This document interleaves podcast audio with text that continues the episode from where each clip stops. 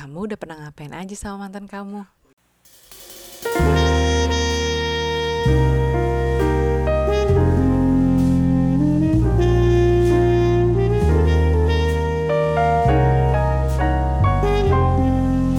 Ibu. Hai Bapak. Hai Ibu. Hai. Jadi Bapak boleh pergi besok. Boleh. Oke, hadiah. Setelah eh, so- dapat sogokan. Sogokan udah terima ya, Udah udah, aman terima, ya. aman. Visa sudah di-apply dengan bukti rekeningnya segitu dan Ah. sudah digunakan untuk membeli sogokan. Ah, ah. Oke. Oke. Jadi teman-teman sebelum gue eh, ninggalin selama seminggu kita rekaman dulu nih ahead of the schedule. Enggak juga sih. Kita Mm-mm. nggak ada schedule. Nggak ada schedule soalnya. sekarang. So, um, gini, aku pengen ngomongin sesuatu yang aku udah pernah tulis sebagai pilihan di salah satu vlog aku. Uh, bagaimana kalau misalnya ini udah aku pernah tanya ini di vlog nih, Apa?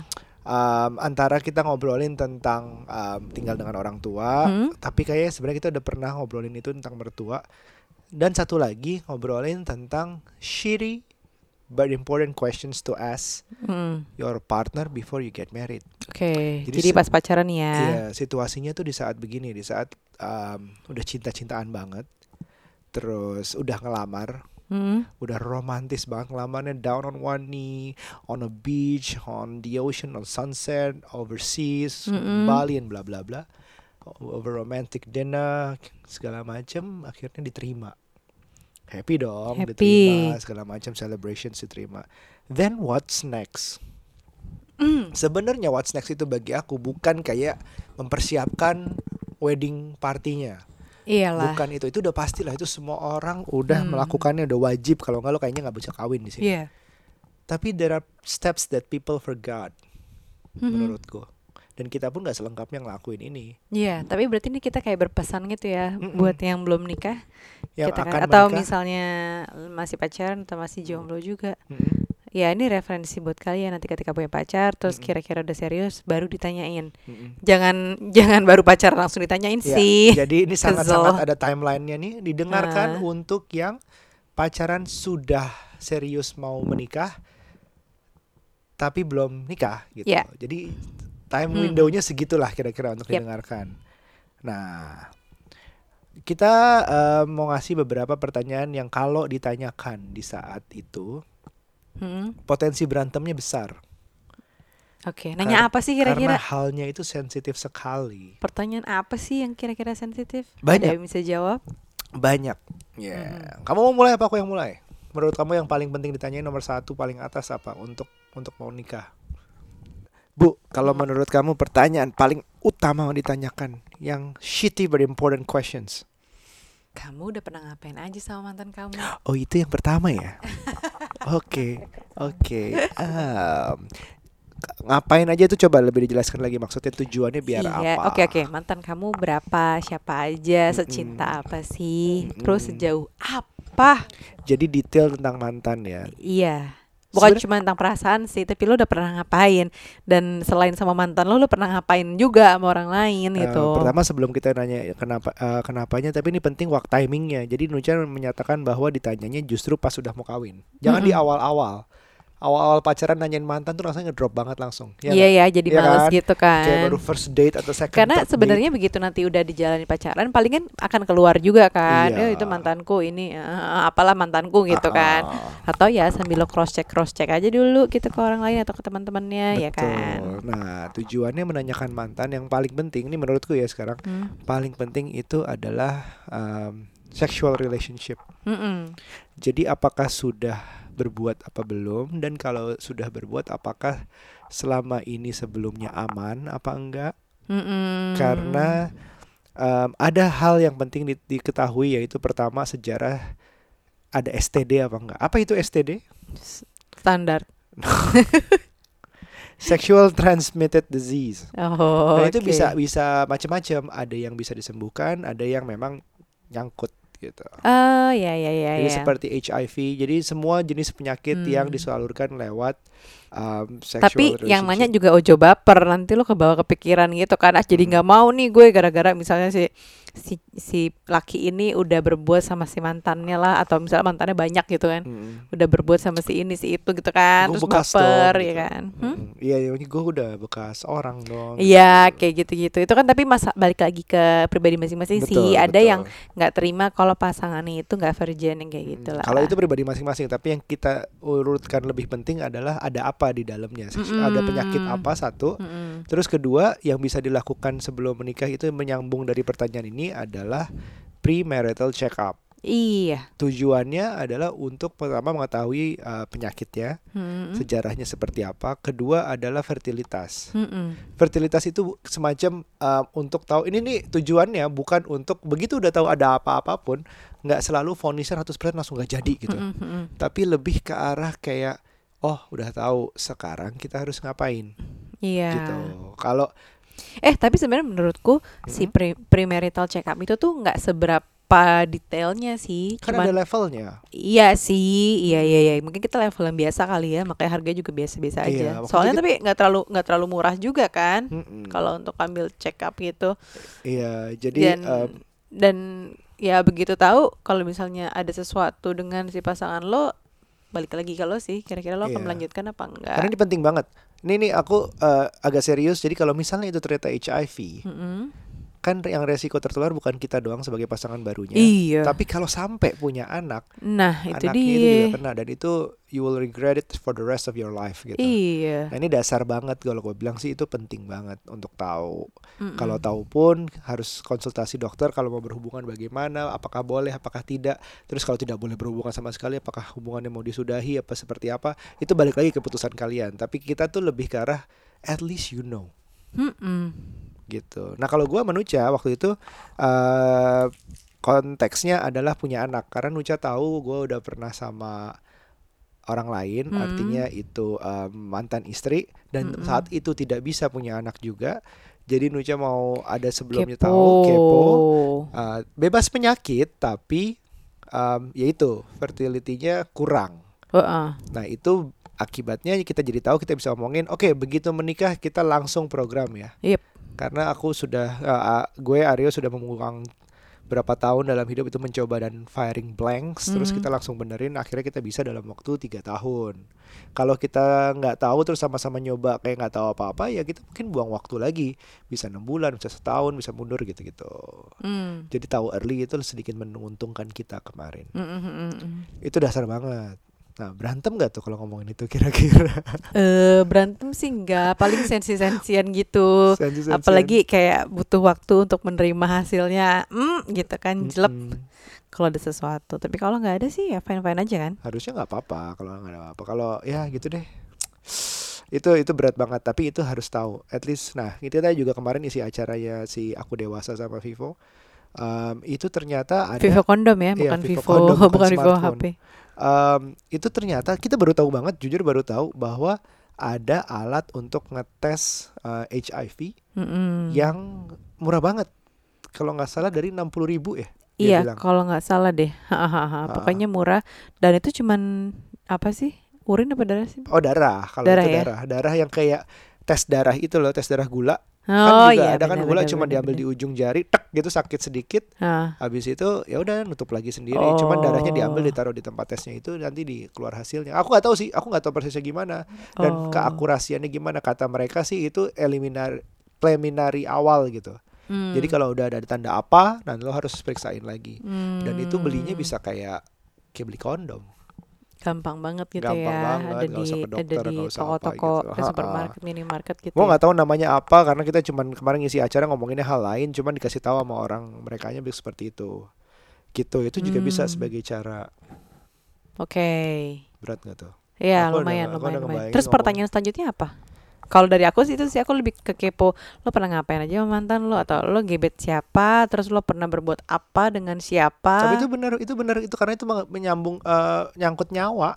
Mm-mm sih Karena itu bisa nyawa kamu, misalnya akunya jadi ada masalah nyawa kamu dan nyawa Mhm. anakmu nanti. Ha- itu sih yang perlu ngaruh dipikirin banget. ya Mm-mm.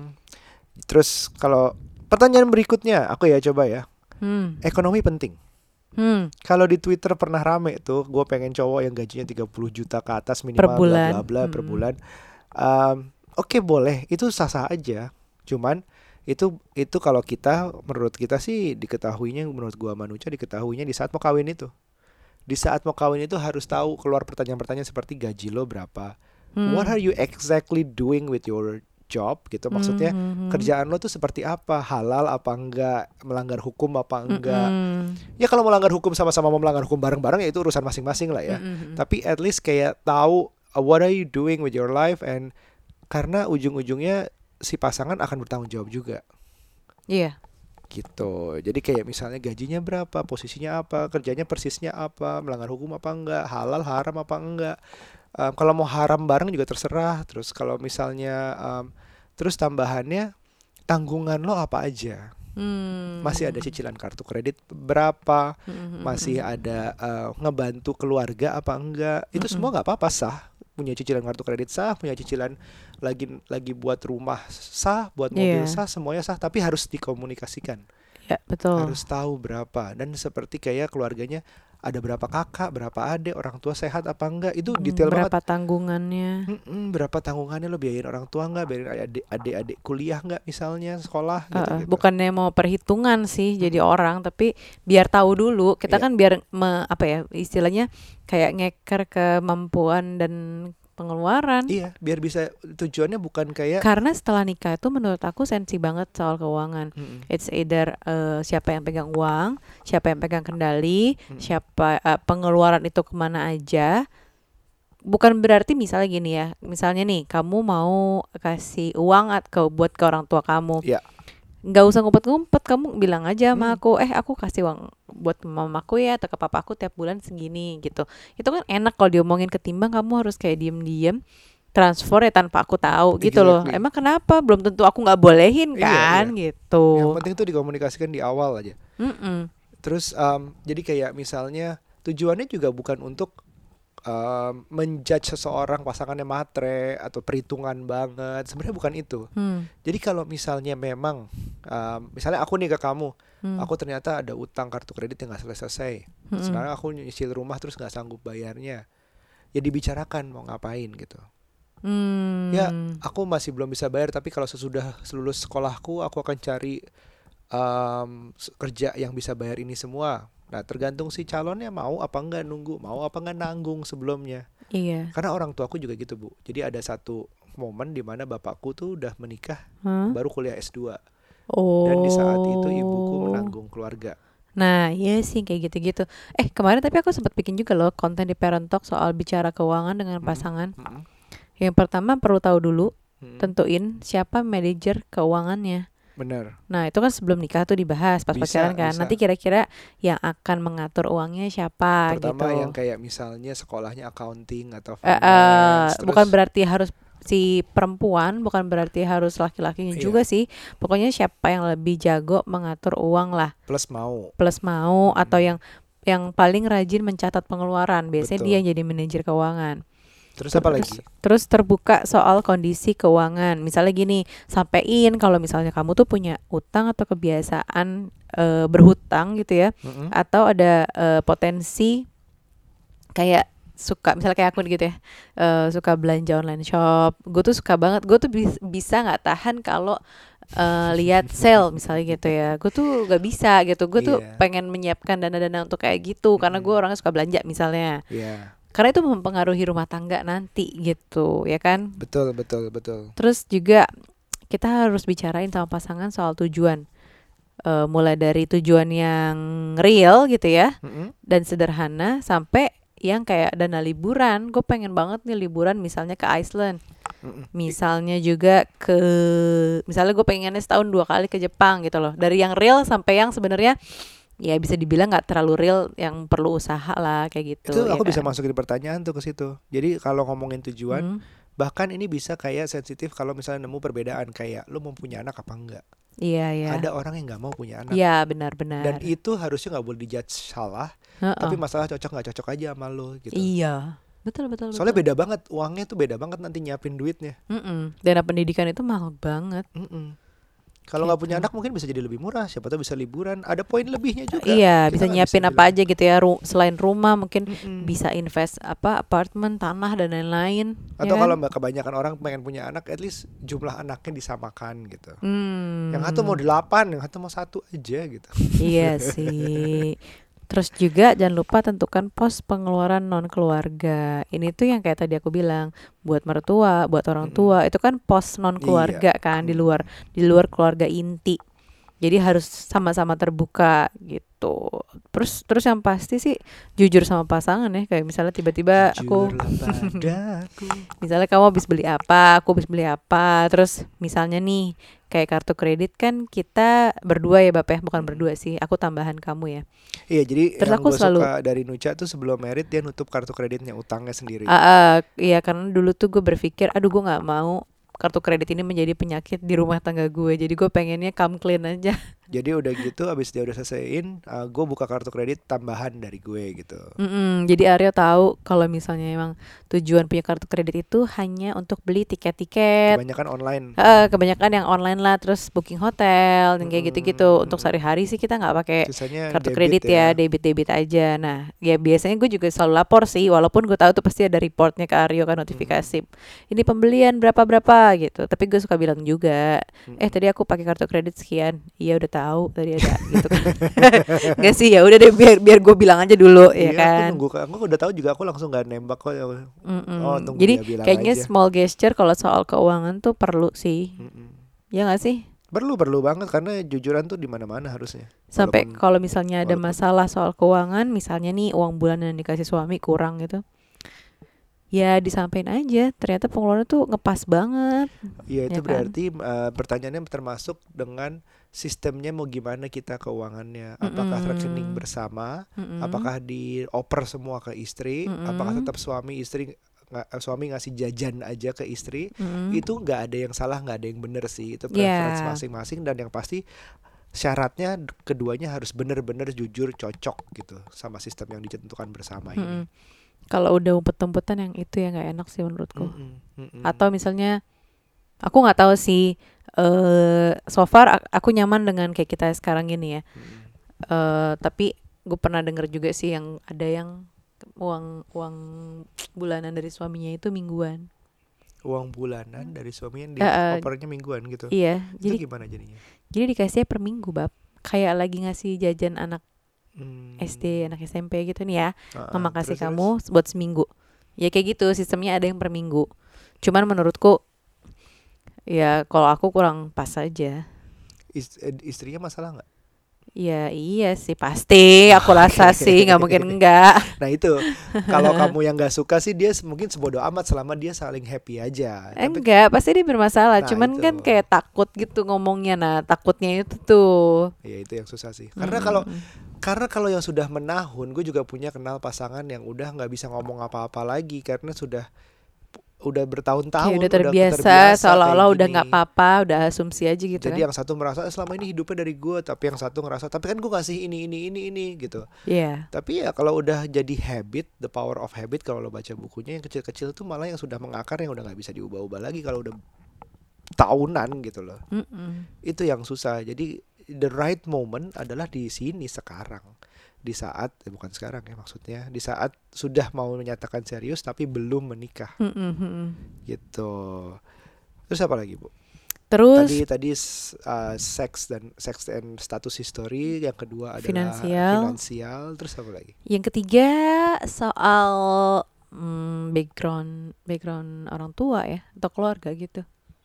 Oke. Kayak kalau orang Jawa bilang bibit bebet bobot betul.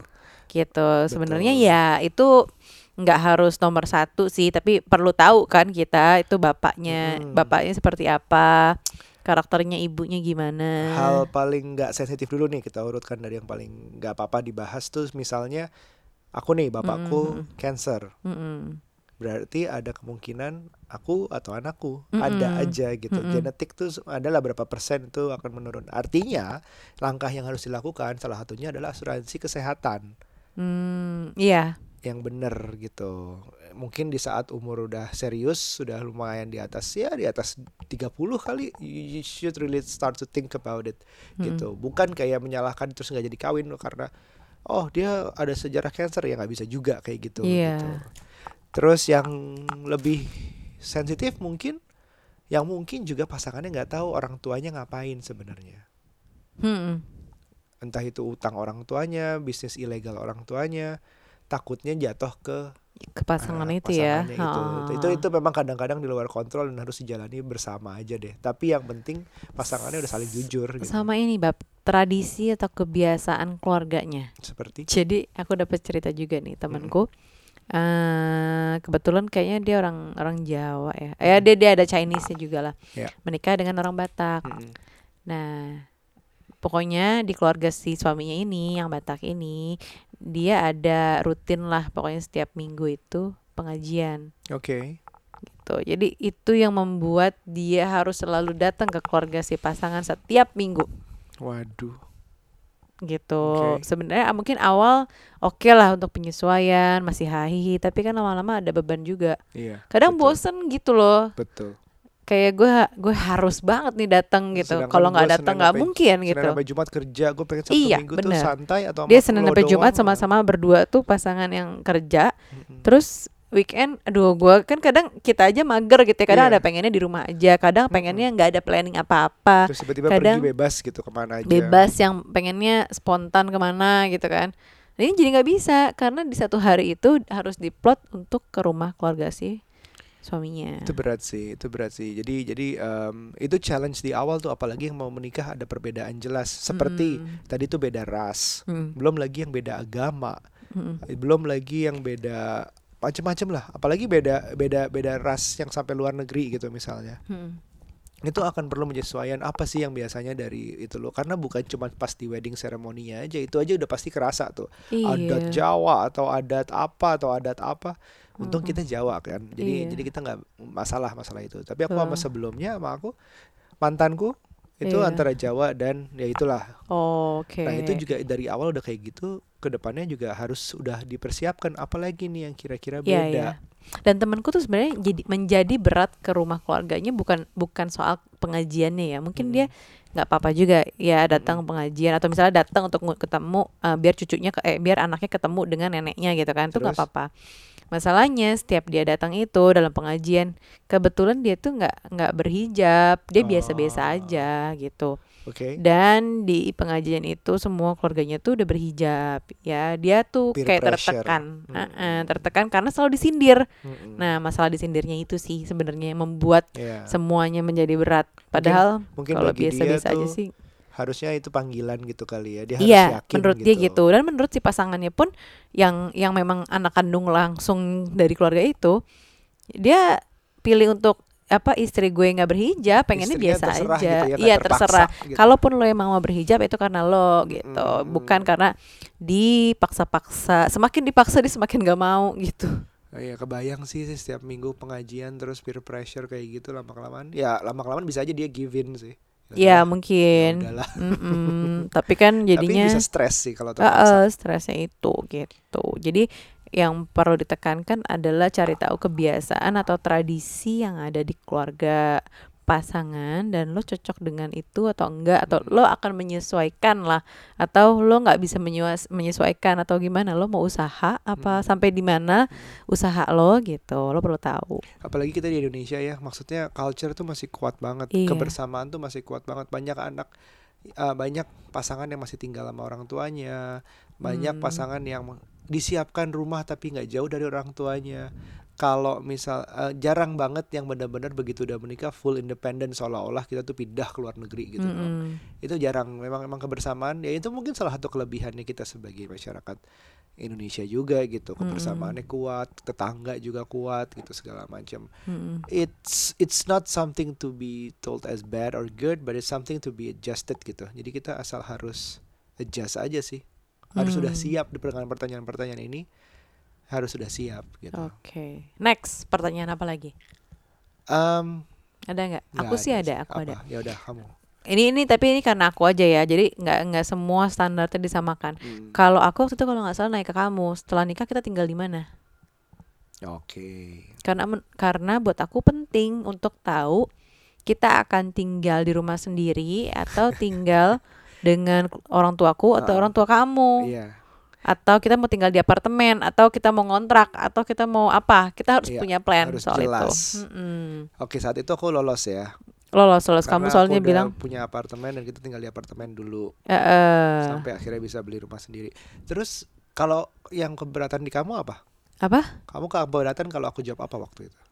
eh eh, aku pref- aku nggak apa-apa kok kalau kita belum ada uang buat beli rumah di rumahku aja dulu menurutku aku lebih aman di rumahku sendiri you know I know. Oke, oke. em, ini again kita nggak nyaranin lo langsung keluar atau lo tinggal di rumah yang bagian keluarga perempuannya atau lakinya, tapi kita menyarankan untuk dibicarakan. yes untuk dibicarakan dan eh, sekalipun lo misalnya memang masih tinggal dengan orang tua atau mertua Mm. eh, perlu di plan untuk kapan lo tinggal sendiri Mm-mm. karena selain masalah kemandirian gitu ya tinggal sendiri itu mm, gimana ya membangun keluarga sendiri karena di dalam satu rumah itu sebaiknya nggak ada dua ratu atau dua raja Betul, betul. Eh, Itu pun aku udah ngomong di episode kita yang 20-an yang kita agak berbeda bahwa aku dari sebelum nikah pun baiknya tinggal sendiri cowok. oh yang itu Yang ngerantau Iya, lah, iya, iya, seolah-olah iya. gitu. Jadi tapi kalau menikah apalagi jadi harus. jadi uh, selalu siapkan uang dana untuk nabung atau misalnya eh, punya dana ya untuk mm-mm. untuk beli rumah sendiri atau mungkin ada bahkan yang ya udah daripada kita tinggal di rumah orang tua kamu atau orang tuaku mendingan kita ngontrak dulu sebelum Iya. beli rumah sendiri itu juga bagus sih menurutku Walaupun ada kos tambahan, Ya. tapi at least mengurangi kos lain seperti misalnya pindah ke kontrak ya tentu yang lebih dekat dengan kantor misalnya. Mm-mm. Mengurangi kos seperti stres harus harus cari hiburan terus karena berantem sama mertua terus. ya misalnya. misalnya Terus kos-kos lain yang sebenarnya mungkin bisa lebih dihemat juga. Jadi ya harus benar-benar diperhitungkan. Jadi kayak kemarin kita tuh ngobrol sama eh, kita ngobrol sama eh, PP Urban kan ya di- PT PP Urban. PT PP Urban di, Di- eh, apa, Property Expo. Ha-ha, Indonesia. Jadi tentang millennial parents ini memang pengennya itu kayak yang bapak itu lebih hands on ke anak, Hmm, yang ibu itu lebih banyak semacam um, me time, uh, berdaya, pengen berdaya, produktif. produktif. Dan itu akan lebih mudah tercapai kalau memang tinggalnya independen. Iya Jadi nggak sama orang tua atau mertua. Yep. Tapi on the other hand kita juga mengerti kalau memang misalnya dana belum ada. Mm-mm. Misalnya orang tua atau mertua dalam keadaan sakit atau tinggal satu, misal artinya Hmm. tinggal sendiri butuh ditemenin. Dan kita mengerti kalau misalnya nggak ada dana, at least make a plan. Jadi yang Nucha bilang um, untuk kapan nih kita mau keluar? Dua tahun, tiga tahun, lima tahun, sepuluh Mm-mm. tahun pun kalau dananya baru cukup segitu, tapi harus ada target harus ada target sih untuk keluar. Mm-mm. Begitu udah ada target, baru udah bisa siapin nih uh, uang-uangnya mana yang dihemat, mana yang ditabung untuk DP rumah atau DP apartemen untuk cicilan nanti berikutnya apa. Mm-mm. Terus kalau misalnya orang tuanya sakit atau orang tuanya itu tinggal satu gitu. Itu ya harus ditargetkan untuk tetap keluar rumah, tetap pindah rumah tapi posisinya adalah lo yang punya rumahnya, orang tua yang ikut. Mm-mm. Again karena nggak bisa ada dua apa bu? dua ratu di dalam satu rumah Itu benar sih, itu benar sih. Em, biasanya juga memang yang eh, lebih rame itu em, istri dengan ibunya laki-laki. Ibu Iya, gitu. biasanya sensitif juga perempuan ya, Mm-mm. gitu biasanya sih lebih lebih sensitif. Kalau ibu kan sama eh, sama anak laki-lakinya tuh kayak lebih gimana ya gitu rasanya, sedangkan Mm-mm. kayak dua-duanya eh, istrinya juga kayak memperebutkan suami gitu loh. iya, ceritanya aku kamu gitu. direbutin gitu.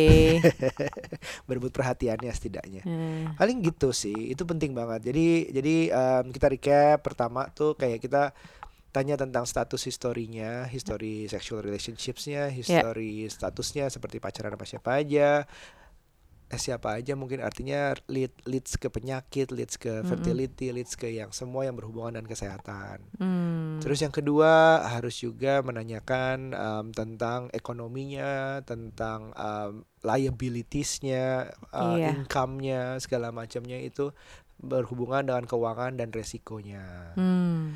Yang ketiga uh, apa tadi bertanya tentang uh, bobot, eh, bibit, bebet, Bobot. bibit, bebet apa bobot ini? Bibit bebet bobot. Yang keluarga itulah. Iya, yang keluarga itu. Jadi apakah keluarga itu merupakan suatu um, liabilities juga nanti ke depannya itu juga harus dijaga Hmm. dan perbedaan seperti perbedaan culture, perbedaan um, kebiasaan, perbedaan Hmm. prinsip yang kuat itu juga harus dibicarakan di awal. Dan yang terakhir masalah tinggal di mana. Mhm. Gitu. Kayaknya itu deh, cukup itu dulu. Kasian banget kalau pertanyaannya terlalu banyak. Iya, sebenarnya kita udah cover dua-duanya dari dua pilihan itu antara Mm-mm. tinggal sama mertua atau shitty questions that needs to be asked. Yes. Keren kan dalam satu episode. Jadi kita nggak ada episode ke depan ini, episode terakhir kita ya. Oke, aku pamit dulu ya Bu ya. Aku kita nggak ketemu seminggu uh, podcast mundur dulu. Untuk Eh. itu kita gua mau liburan sih enggak ding. Kerja sambil ya sedikit me time buat Bapak. Semoga anak-anak tetap sehat di rumah ya Bu ya. Ke Alright, alright, alright, alright. Any last words? udah. Udah. Sampai ketemu di curhat babu berikutnya. Semoga pertanyaan-pertanyaan ini berguna. Kalau memang berguna, tolong dibagikan buat membantu orang-orang lain dan yeah, we appreciate the ratings on the uh, Apple Podcast. Mhm. It'll be helpful for us. Thank you. Thank you. Bye now. Be nice. Bye.